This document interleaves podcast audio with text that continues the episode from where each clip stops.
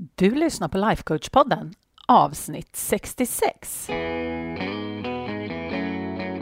Välkommen till Lifecoach-podden, där allt handlar om tankar, känslor och hur vi kan använda dem för att komma dit vi vill.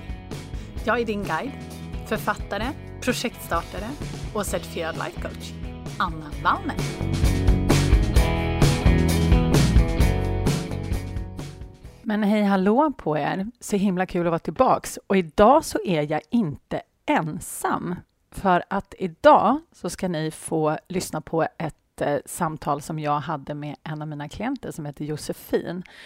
Och ja, Josefin är helt fantastisk. Det är bland annat hon som har myntat ordet eh, att bo i rimligheternas land. Ni vet att jag har pratat om det någon gång.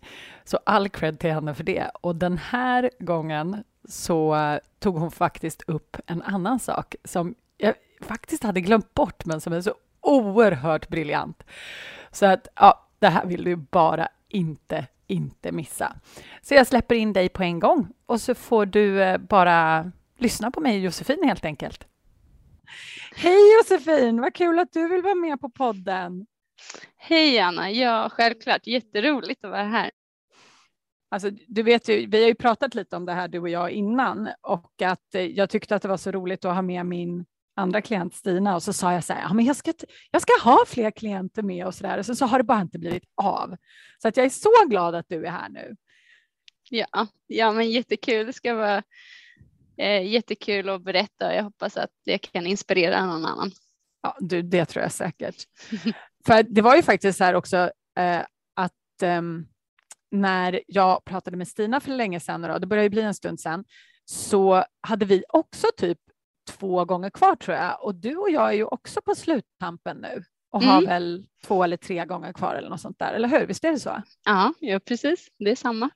Ja, ja du ser, det kanske, det kanske är det som är den, det, vad heter de, vad heter det, the magic sauce. Ja, uh, att liksom så här, i slutet på, på allting, det är då man liksom klickar. Mm. Ja, verkligen. Men hörru du, eh, vi ska ju såklart prata lite om allting som har hänt med dig och så de här sex månaderna så att de som lyssnar kan få liksom en, liksom en, återigen en lite bättre bild och inte bara höra mig babbla hela tiden, för det blir ju så tråkigt. Men kan inte du berätta lite hur våra vägar korsades till att börja med? Ja, ja men absolut. Eh, men det började ju liksom att Eh, jag hittade till din podcast. Jag fick det som eh, tips av att lyssna på den. Jag började lyssna från början. Alla avsnitt tyckte det var jättebra. Älskade din podd. Det blev eh, jag lyssnade ett avsnitt varje dag till och från jobbet. Oj, så att, så att jag djupdök i, i din podd och då ganska tätt inpå jag hittade din podd så skulle du ha en bootcamp i oktober tror jag det var, tre dagar mm. eh, som jag var med på och eh, du pratade liksom första dagen var det mycket vision. Jag tyckte att det var ganska jobbigt. Jag hade inte riktigt tänkt på vision och vad jag ville tidigare och det kändes så stort och läskigt. Sen dag två pratade du om att eh, våga misslyckas och varför vi tycker att det är jobbigt med misslyckanden och då insåg jag, aha, det, det är därför jag inte vågar ha en vision eller några mål för att eh, jag tycker att det ska vara jobbigt om jag misslyckas med dem. så att eh, det blev som direkt svar på den. Eh, och efter det så eh, erbjöd du ett gratis coachpass med dig eh, som jag gick på och vi pratade väldigt mycket om det jag hade kommit fram till och vad jag ville göra, vad jag var liksom, eh, ja men det jag tänkte på sådär. Eh, och sen så efteråt Eh, jag tänkte såklart att ja, men det här känns ju jättebra och kul, men det är ju en eh, stor investering och ett stort val, så jag tänkte inte så mycket mer på det tills jag fick ett mejl från dig eh, där du skrev att du hade tänkt på mig och att jag är så pass ung, jag är i 20-årsåldern och att du hittade de här verktygen, jag kommer inte ihåg, när du var typ 40 eller? Ja, hur gammal är han? Vad var det? Ja, men i slutet. slutet nästan 40. Stor skillnad. ja, stor skillnad. Ja, nej men så och att det har förändrats så mycket och att eh, jag menar, du skrev någonting också. Tänk om jag hade kunnat få de här verktygen tidigare och så där. Och jag var ju nyfiken och intresserad men det här var liksom som att det bara bubblade upp i mig ännu mer att så här, shit, det är ju faktiskt en stor fördel eh, att göra det nu och inte sen för man kan jag kan lära mig att använda det här under tiden. Mm. Eh, och jag tänkte att men jag kanske ska vänta två år eh, och spara ihop pengar och liksom så här och göra det då. Men sen kunde jag inte sluta tänka på det här och varje dag jag cyklade till jobbet så tänkte jag, men tänk vad coolt det hade varit, tänk vad häftigt. Mm.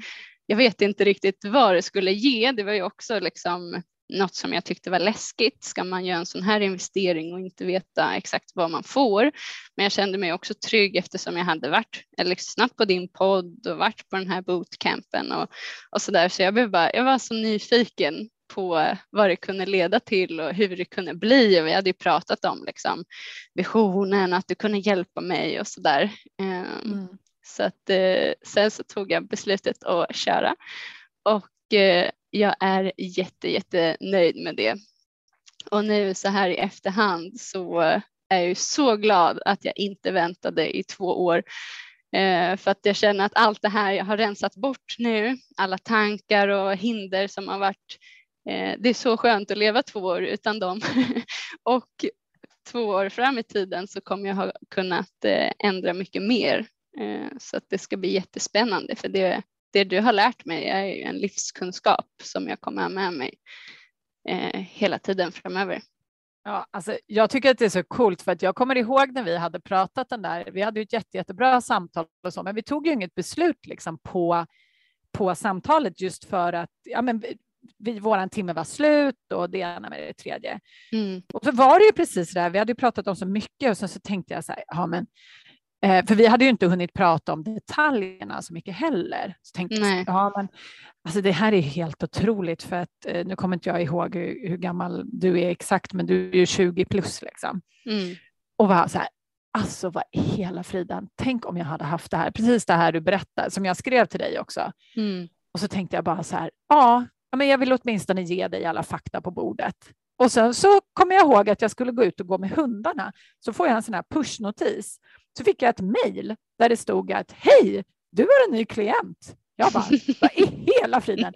För då hade ju inte du, liksom, det var inte så att du eh, ringde upp mig och bara hej, jag vill prata om det här igen, vilket många vill, mm. utan du, efter att du hade fått det där mejlet så bara körde du på. Ja, ja.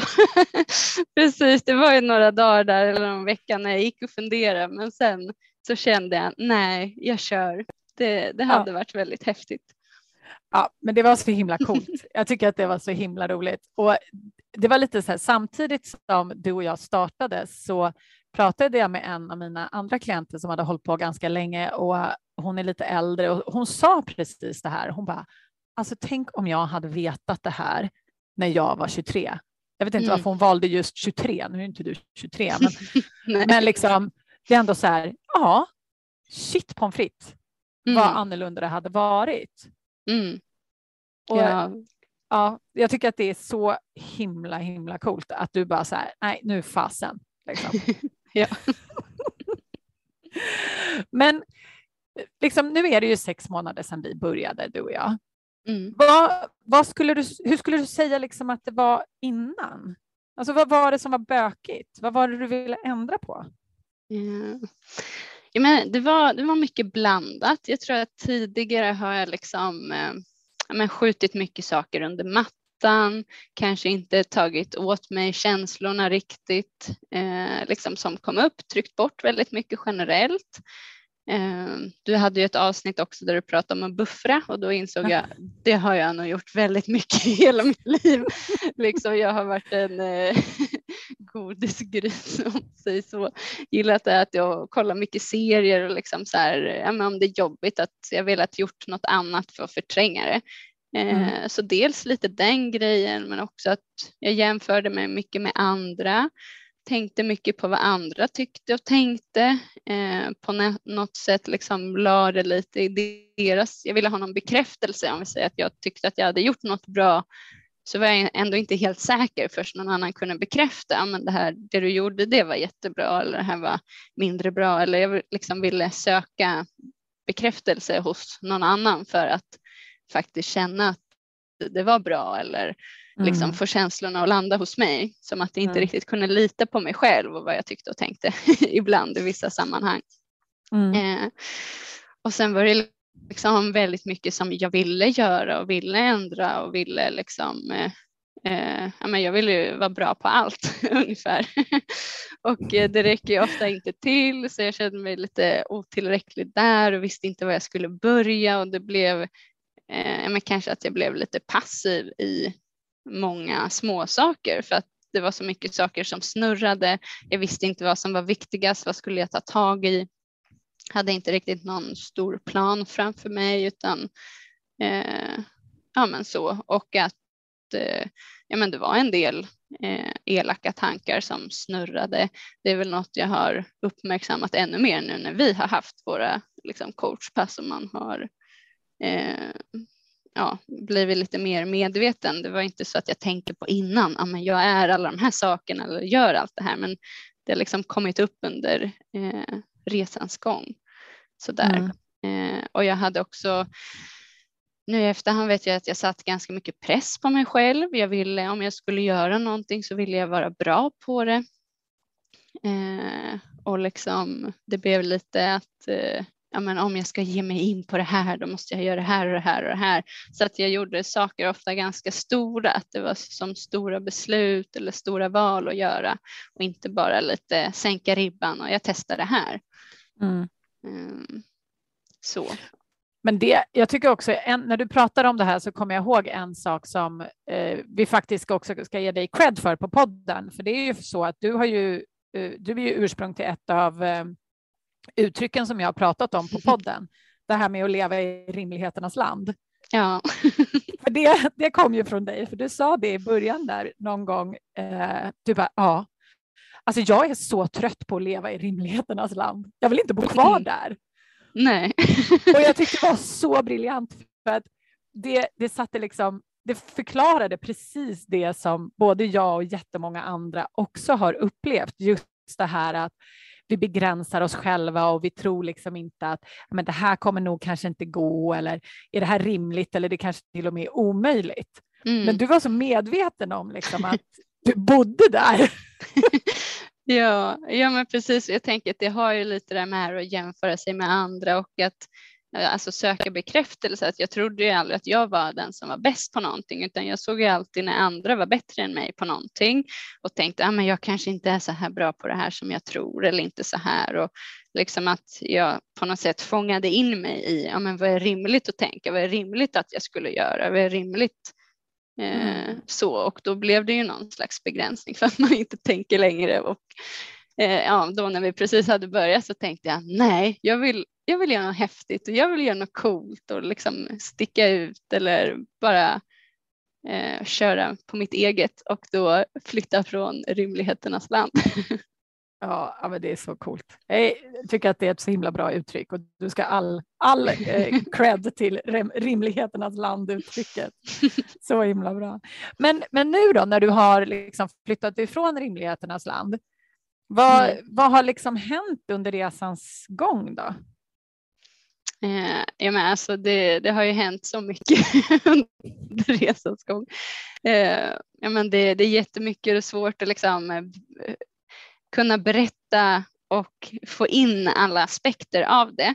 Men eh, det vi liksom började med det var ju den här modellen som du har pratat om och jag skulle säga att det är liksom ett verktyg för att förstå sig själv och hur man agerar. Eh, mm. För att när man kan göra det och liksom kartlägga och se, ja men det är inte så konstigt att jag reagerade på det här sättet eller det är inte så konstigt att jag inte har lust att göra det här för att jag tänker något negativt kring det som får mig att må dåligt eller att jag får en negativ känsla och då blir man inte den här eh, spralliga, jätteglada personen som bara säger vi kör, vi kör, det blir bra. Mm. eh, så liksom begränsa sig lite där. Och, ja, men det har varit mycket liksom insikter under resans gång. Också det här att eh, vi har en reptilhjärna som är förvånansvärt elak och eh, liksom saboterar för den tänker att den ska skydda mig från någonting som jag inte ens vill bli skyddad från. Eh, mm. och det har väl gjort att jag har liksom eh, inte vågat testa grejer eller liksom misslyckas eller säga vissa saker eller så att man, jag, att man håller sig själv tillbaks lite. Eh, och bara att förstå att den här reptilhjärnan finns och att vi har en annan del, kunna lyssna på den och då välja någonting annat. Det har ju eh, liksom hjälpt väldigt mycket och sen så tycker jag att eh, det är liksom mycket saker som känns små när man väl pratar. Jag tycker vi har haft samtal en gång i veckan och bara det har hjälpt till väldigt mycket att liksom fånga upp saker för det kanske ibland händer det jättemycket på en vecka och ibland inte och då pratar man om de grejerna. Men ofta alla de här små exemplen som man tar upp och saker som kommer på en veckobasis, eh, det grundar sig i någonting större. Mm. Eh, och liksom det, eh, jag tänkte jag kan ta exempel vårt senaste coachpass som vi hade då eh, var jag orolig innan för jag visste inte vad vi skulle prata om. Vi är på sluttampen. Jag känner att, eh, eller kände att jag behöver ta vara på de här passen, och att jag slösar bort tiden om jag inte vet vad vi ska prata om. Jag har inget nytt problem jag behöver ta upp.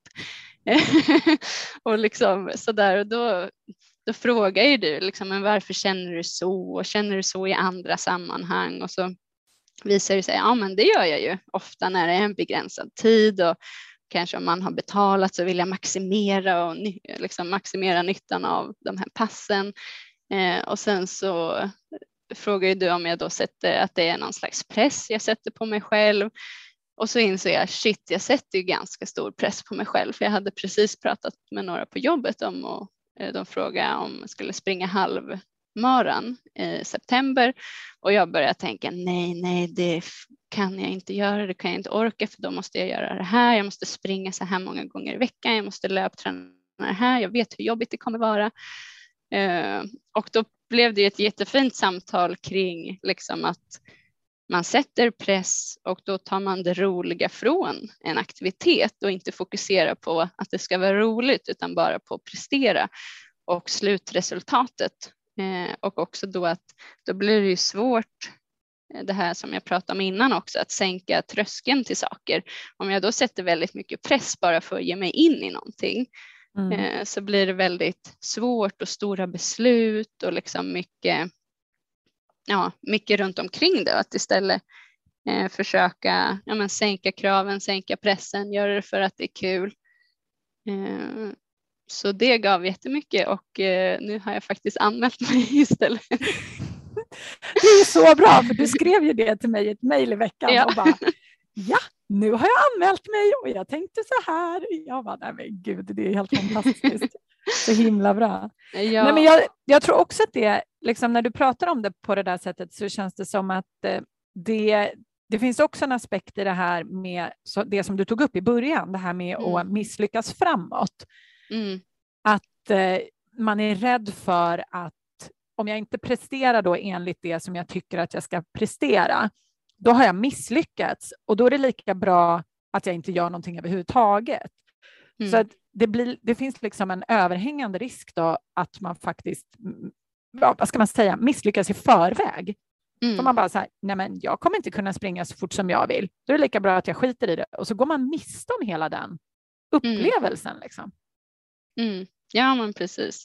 Eh, och det är också det här att sänka ribban och att och det tycker jag har varit så bra när vi har liksom pratat om eh, att ha en vision och kanske något mål eller det behöver liksom inte vara kristallklart även om det är bra om man har det men bara man har någon slags riktning så är det lättare som man har bestämt själv och inte bara tar liksom titta vad alla andra gör, för det var ju också mm. en grej som vi har pratat om, att jag har jämfört mig mycket med andra och sett, ja men den gör det där, jag kanske också borde göra det eller det här och att då har jag märkt att nu när jag har skaffat min vision och min väg framåt, då blir det dels mycket lättare att ta val själv.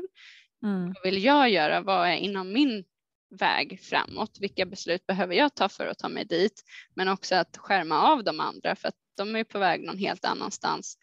Men då blir det också lättare att ta små steg för vad är något pyttelitet steg jag kan ta för att ta mig lite närmare mm. min vision eller mitt mål.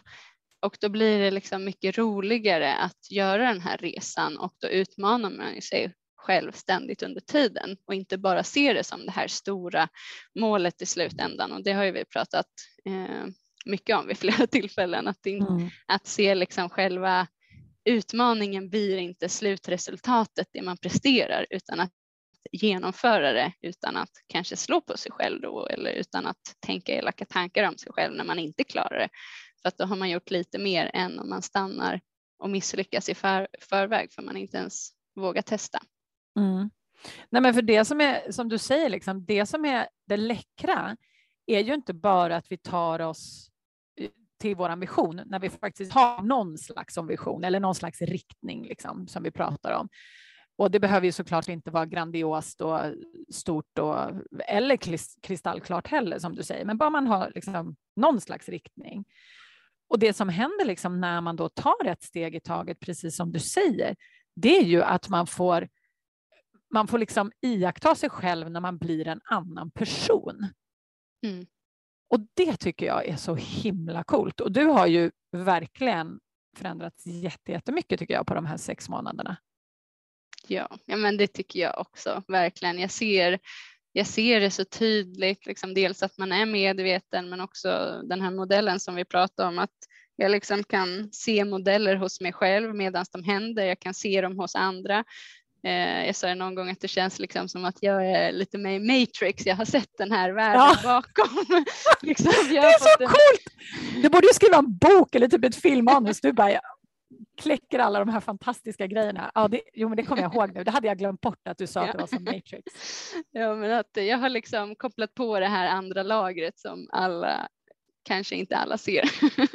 Ja. och det är väldigt häftigt och roligt. Ja, det är faktiskt så himla coolt. Jag, har inte, jag kommer ihåg så väl att vi pratade om det och att jag var så här, men gud, det är så himla bra, men sen har jag glömt bort det där. Jag måste nog göra ett podcastavsnitt till som heter The Matrix eller något ja. som får bas vara baserat på det. Uh, gud, ja, det är så himla coolt.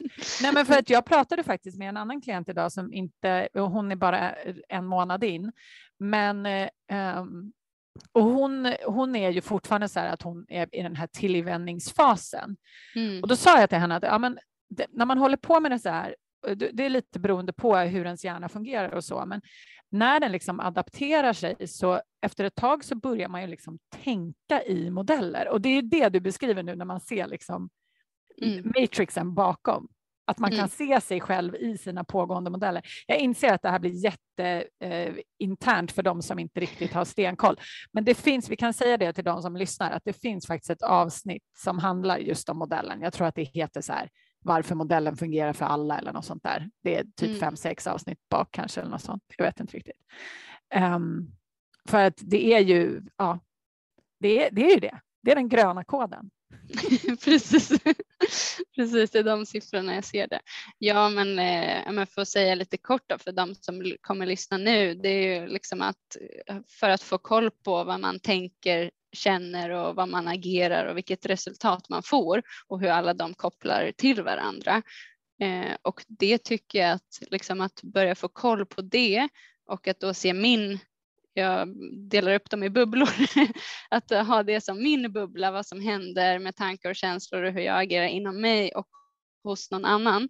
Att liksom kunna följa de här modellerna då hos båda parterna gör att jag kan distansera mig mycket mer och inse att men jag påverkar inte den andra så mycket som de tror eller den andra personen kan inte få mig att känna någonting utan att jag ger dem tillåtelse genom att mm. ha de tankarna.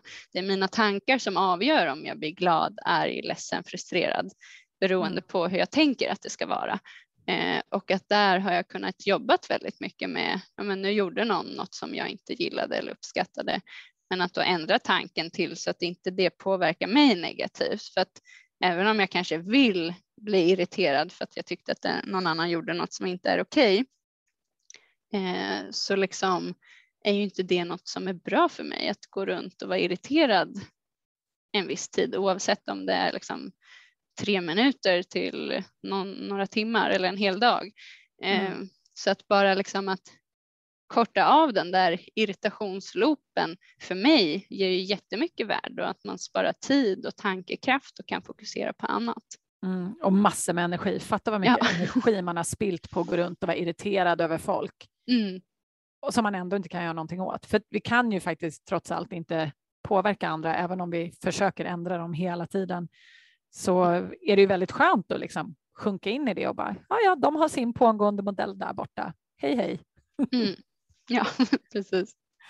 Ja, men det är så himla bra. Är det, är det någonting annat som jag tänker så här, som något sån här skifte som, eller någon sån här aha-upplevelse som du har haft? Eh, ja, men också lite det här att eh, som jag nämnde kort i början att jag har velat liksom göra allt på en gång och fokus. Det har varit väldigt splittrat och mycket saker. Du hade ju någon sån här eh, session vid nyår där man skulle ta fram eh, mål för året och vad man ville ändra. Och då liksom kom jag upp med 53 saker som jag ville ändra och, eller liksom tänkte men det här är bra att göra det här målet. Sen så sa du så här, nej men vi måste begränsa det, vi kan inte ha så många. Så tänkte jag, men det är jätterimligt. Så jag, jag liksom pausade videon och, och bara, jag fick ner det till 13 saker. Sen playar jag och då säger du, det får max vara tre. Jag tänker va? Bara tre? Det här är helt sjukt. Jag har liksom jobbat nu en halvtimme för att få ner det till 13 saker och så ska det vara tre. Jag tyckte det var helt, eh, alltså jag tyckte det var helt galet för att jag ville göra allt. Ja, jag kommer ihåg det här så väl. Ja, det var jätteroligt. Ja, men, men vad hände sen då med de här mål, 53 målen? Ja, jo, men jag började liksom koka ner dem till färre och sen har jag liksom börjat en grej som jag har gjort som kanske låter lite konstigt för att jag har fått väldigt mycket gjort men jag har fokuserat på att göra färre saker, göra mindre grejer. Mm. Dels att ta liksom mindre steg men också att men, nu har jag, jag men, ett tips eh, och så där, att varje dag jag sätter liksom tre kanske som mål eller fokussaker jag vill hålla på med och då är det de tre som gäller. Det behöver liksom inte vara bara att prestera. Det kan vara att ja, men idag vill jag fokusera på att ta ordentliga raster och tid för mig själv eller idag ska jag eh, göra rent handfatet för det är något jag har irriterat mig över i flera veckor. Eller liksom, mm.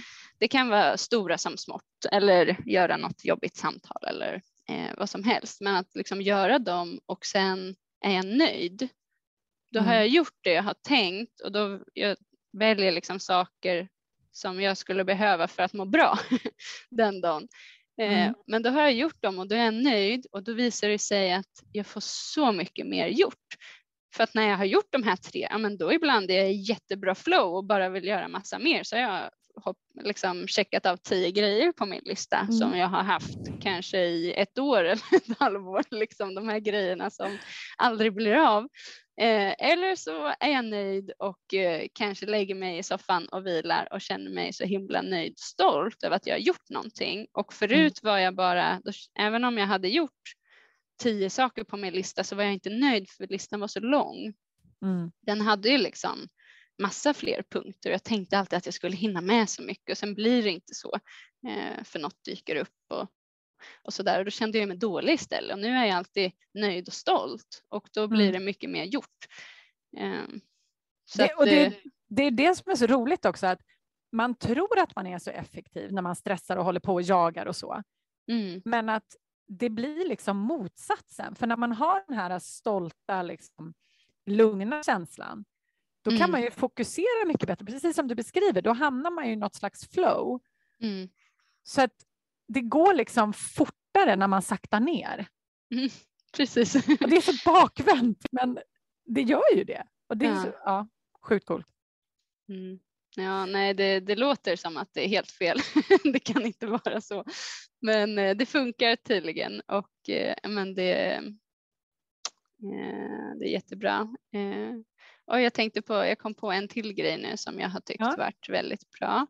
Eh, det vi pratade någon gång om, eh, jag hade liksom kommit på att ja, men beroende på vilka jag omger mig kring, det här var kring ett, eh, liksom ett träningspass där jag kände mig väldigt mycket bättre än andra, eh, så kände jag mig liksom jättebra och eh, självförtroende gick upp och sen så typ veckan efter var jag på något annat träningspass där det var eh, lite mer eh, ja, men vältränade personer och det här och så kände jag mig helt plötsligt som världens dåligaste och sämsta och liksom mm. klenaste person. Och det var ju fortfarande jag, ja men typ samma vecka eller en vecka emellan så att det var ju det var ju ingen skillnad på mig som liksom fysiskt eller som person och då pratade vi kring det här att eh, jag liksom har värderat mig själv som bra eller dålig beroende på vilka som var i min omgivning, vilka jag jämförde mig med just då. Mm. Eh, men att jag är ju fortfarande samma person hela tiden och om jag går runt och jämför mig med de som är runt omkring så kommer jag alltid känna mig som världens sämsta eller jättebra. Mm. Och då finns det liksom aldrig någon stabilitet i mig själv. Och jag hade också lite svårt att kunna säga så här, men jag tycker att jag är bra på det här. Eller om jag skulle söka jobb, då fokuserade jag mycket på att nej men andra eller det finns den här personen är bättre på det här än vad jag är eller har den här egenskapen, den har jag också, men de har den ännu mer på ett bättre sätt. Eller så där så att jag liksom alltid knuffade ner mig ofta mer på den här dåliga skalan då. Mm. Eh, och att det var ju inget som var varken snällt mot mig själv eller de andra som jag jämförde med. Det är ju ingen som mm. har bett om att bli jämförd eh, där, utan det var ju bara någonting som jag gjorde i vissa fall för att eh, det kändes lite bättre för att jag ofta tryckte ner mig själv på mm. den där skalan eh, så himla mycket. Och då pratade vi om det här att eh, allt inte är så svart eller vitt eller att jag behöver vara någonting hundra procent. För att jag utgick mycket från att ja, men om jag ska vara vi säger, organiserad och sen är jag inte det någon gång eller att det kommer upp något, nej men då är inte jag sån som person eller då är inte jag det här, då kan jag inte vara det. Eh, att jag liksom ifrågasatte mycket de grejerna jag var så fort det dök upp saker som mm. bevis på att det inte är sant. Eh, och det blev ju också att, eh, jag menar, att jag blev lite förvirrad och inte vågade tro på ja, men, vad jag tyckte eller mina värden eller vad jag är bra på. Eh, för att jag hela tiden, det var som att jag letade bevis på att det inte var sant. Mm. Eh, och då switchade vi det och istället eh, så pratade vi om några sådana här saker som identifiera mig eller som jag är bra på så och försöka leta bevis på att de är sanna istället och att ja, men det är okej okay om jag inte var det 100 procent eller de här gångerna för att majoriteten av tiden är jag bra på det här. Mm. Ja. Ja, men jag kommer ihåg att vi pratade om det här bland annat där som du nämner med att du var organiserad och du bara ja, men jag är ju faktiskt en ganska organiserad person, fast det fanns liksom inget utrymme då för dig att någon gång liksom inte var organiserad, för då liksom mm. raserades hela din den här. Nej, jag är inte organiserad, för jag var ju inte det igår. Nej, precis. Eller att jag ständigt har en klädhög hemma på golvet i sovrummet. Ja. Det passar inte in i den bilden. Liksom. Nej, men precis. Men att du kan tycka att du är organiserad och ordningsam även om du har en klädhög i, i sovrummet. Liksom. Mm. Ja, jag kom, det var ja, riktigt, riktigt bra för att du var ju så där lite grann förut att, eh, ja, men som du säger, att du satte dig i relation till andra. Mm. Och att det gjorde att hela liksom, det blir lite som att gå ute på, vad heter det, gungfly, sån här träskmark. Mm. Att man vet aldrig riktigt vart man står för att man hela tiden sätter sig i relation till andra. Och det finns ju ingen mening med att göra det. Andra, hur bra andra är definierar ju inte dig. Du är ju bra oavsett liksom. Mm. Mm. Och man, det som är så schysst är ju att man får ju faktiskt tycka vad man vill. Ja, precis. Oavsett vad andra tycker eller vad de är eller hur man uppfattar att de är bra eller dåliga eller så. Mm.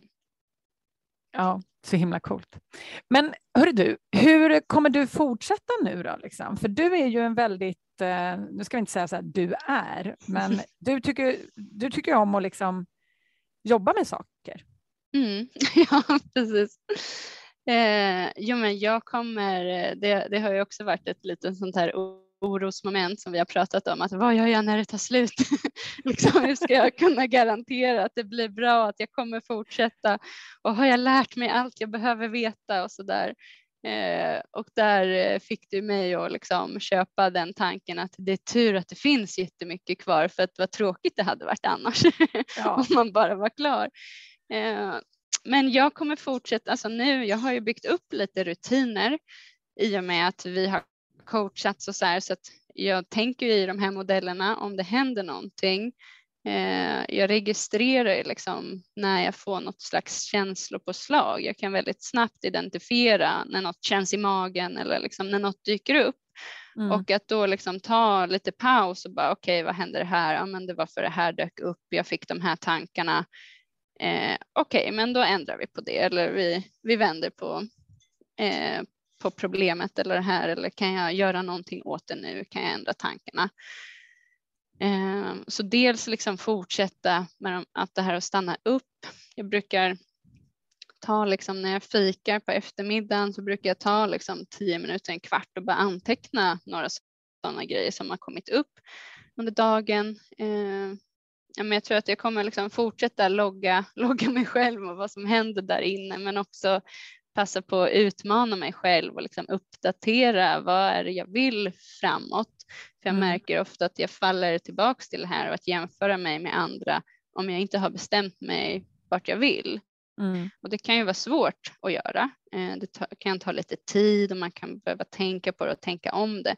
Men när jag liksom har sagt satt mitt. Det behöver inte vara stort. Det kan vara att jag vill fortsätta på det spåret jag är nu och implementera saker. Det kan räcka, men bara jag har liksom satt min riktning så är det lättare att fokusera på mitt. Eh, och så. Sen kommer jag ju fortsätta följa dig på alla sätt som det går. Eh, och jag har också tänkt att försöka lämna några frågor till mig själv så att man kan checka in mm. eh, med ja, men, någon frekvens som känns bra eh, och liksom ställa några frågor så man får upp de här tankarna mm. igen eller det jag liksom kom fram till sist. Men det här vill jag. Ja, men hur går det att ta sig dit då? Är det något mm. jag behöver pusha mig och testa något nytt eller eh, ja, hur har det gått? Utvärdera helt enkelt. Mm. Ja, men det tror jag är så himla bra. Just det som du säger med rutinen och sen utvärdera. Det kommer mm. man långt på. För att, ja, men det pratar vi om hela tiden, att det här jobbet blir aldrig tråkigt. Det är lite som att skala en lök. När man har skalat mm. bort ett lager så finns det ett lager under. Det är någon mm. slags evighetslök. Ja. Och man, man lär ju bara känna sig själv bättre och bättre. Liksom. Mm. Och har man då den här riktningen, ja, då vet man ju vart man är på väg. Och sen är det ju bara mm. liksom köra på. Ja, det är så himla bra. Men du, vi gillar ju tips på den här podden, eller hur? Ja.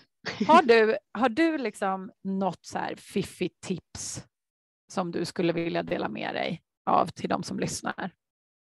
Som har hjälpt dig mycket eller något som du gör eller?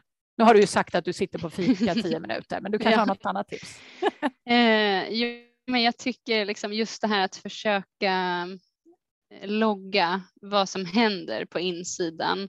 Liksom när man får någon slags känsla, något känslopåslag, eh, ofta de negativare för det är väl de man vill jobba med, att försöka tänka okej, okay, men vad var det som triggade igång det här och vad tänkte jag kring det? Och mm. liksom försöka bli medveten på den där grejen. Eh, och liksom försöka skilja på ja, men vad, vad hör i min loop och vad hör till någon annan. För att men innan det var lätt att jag ville att någon annan skulle göra någonting eller bekräfta någonting eller säga någonting för att få mig att må bra. Mm. Eh, och det är aldrig ett bra sätt för att då lägger man ju sitt öde i någon annans händer. Att liksom fokusera på men vad är det som händer inne hos mig och de bitarna jag kan påverka, tankar och det här. Eh, och sen så för mig har det funkat jättebra att liksom göra färre saker, skriva ner tre saker per mm. dag och sen så får det vara nog. Sen kan man alltid göra mer om, om man har tid och vill, men att verkligen, det har ju varit en nyckel för mig att begränsa mig. Mm. Och då krävs det också att prioritera och det tror jag att det är det jag har inte gjort innan. Jag tänkte att men jag ska göra allt och det här och det här och jag kan liksom klämma in det. Men då eh, när man behöver prioritera då, då blir det ganska tydligt vad man vill och vad man fokuserar på. Vilka är de här grejerna som man bara tänker jag borde eller det hade varit bra för någon annans skull eller för att det känns bra eller för det eh, att man liksom sållar bort de här grejerna som man inte gör lika djupt för sig själv. Mm. Ja, men så himla bra. Alltså jag tänker att det, jag vet ju att det är väldigt många perfektionister som lyssnar på den här Mm. podden. så jag tänker att just det här tre, tre grejen, så här, gör tre saker, gör fler om du vill, men liksom känn att det var skitbra. Heja dig Mm. och var nöjd med det. Liksom. Ja, Det tror jag är superbra tips verkligen. Precis, för då blir man ju glad varje gång. Man har ju nått sitt mål. Så att, eh, det är jättebra. Jag har ju också haft perfektionistiska drag och liksom att det har hämmat mig och att jag vill inte göra något om det inte blir bra eller rätt och det här. Men det känner jag att det har ju rätt ut sig ganska bra när man börjar jobba med de här andra grejerna. Att sänka ribban, eh, inte se slutmålet utan som delar på vägen och och liksom att vad är något litet, litet jag kan göra för att ta mig dit? Och du hade ju någon bra fråga att jag skulle kunna tänka mig och testa som kan Mm. misslyckas, eh, men som skulle kunna ta mig framåt. Mm. Och att det hjälper ju också att ja, men då har man sagt från början att det här kan misslyckas och då har, då har inte jag i alla fall haft den där pressen på mig som jag kan sätta annars. Mm. Nej, men också att man lär sig att man kan faktiskt testa Mm. bara, bara för testandets skull. Liksom. Mm. Och att det inte behöver betyda någonting, utan det som liksom flyttar den framåt är att testa sak efter sak efter sak. Vissa kommer funka och andra kommer inte funka. Men det de gör allihopa, det är att de ger en input. Så att Ja. misslyckas man så man säger, "Ha, okej, det där funkade inte bra, då vet jag det. Mm. Ja, verkligen. Ja, det är så himla, himla bra. Alltså, det har varit så himla kul att jobba med dig Josefin de här sex månaderna, verkligen, för att du, eh, ja, du har en fascinerande hjärna med alla de här eh, rimligheternas land och matrixen och ja, allt, alltihopa. Det har varit så himla, himla kul verkligen och jag är glad över att vi har några gånger kvar så att vi får ses Ja, lite till. Ja. Det kommer bli så ja, men, jag är så otroligt glad över att jag har fått göra det här med dig också. Jag har utvecklats så otroligt mycket under tiden och jag älskar att göra det med dig. Du är så otroligt inspirerande. Du har konkreta tips och verktyg hela tiden och nu när det snart är slut, jag känner mig jättetrygg i som det du har lärt mig. Jag kommer ha det med mig. Jag vet vad jag ska göra. Eh, och liksom, menar, all den här kunskapen, det, det är livs... Eh, ja, men jag kommer ha med mig det för livet och det har, jag har verkligen förändrats. Mm. Och eh, det kanske inte är sånt som syns jättemycket utåt, eh, men det är jättestor skillnad på mig och i vad jag vågar göra och i mina relationer. Jag kan ha en liksom tryggare och djupare relation för jag kan fokusera på den andra personen och inte vara fast i mina loopar och mina tankar och mina osäkerheter. Mm. Eh, och jag känner mig mycket liksom det funkar bättre på jobbet eh, för att jag har tagit bort mycket av de här stressfaktorerna och hur jag liksom ska reglera mig själv för att inte falla tillbaka där.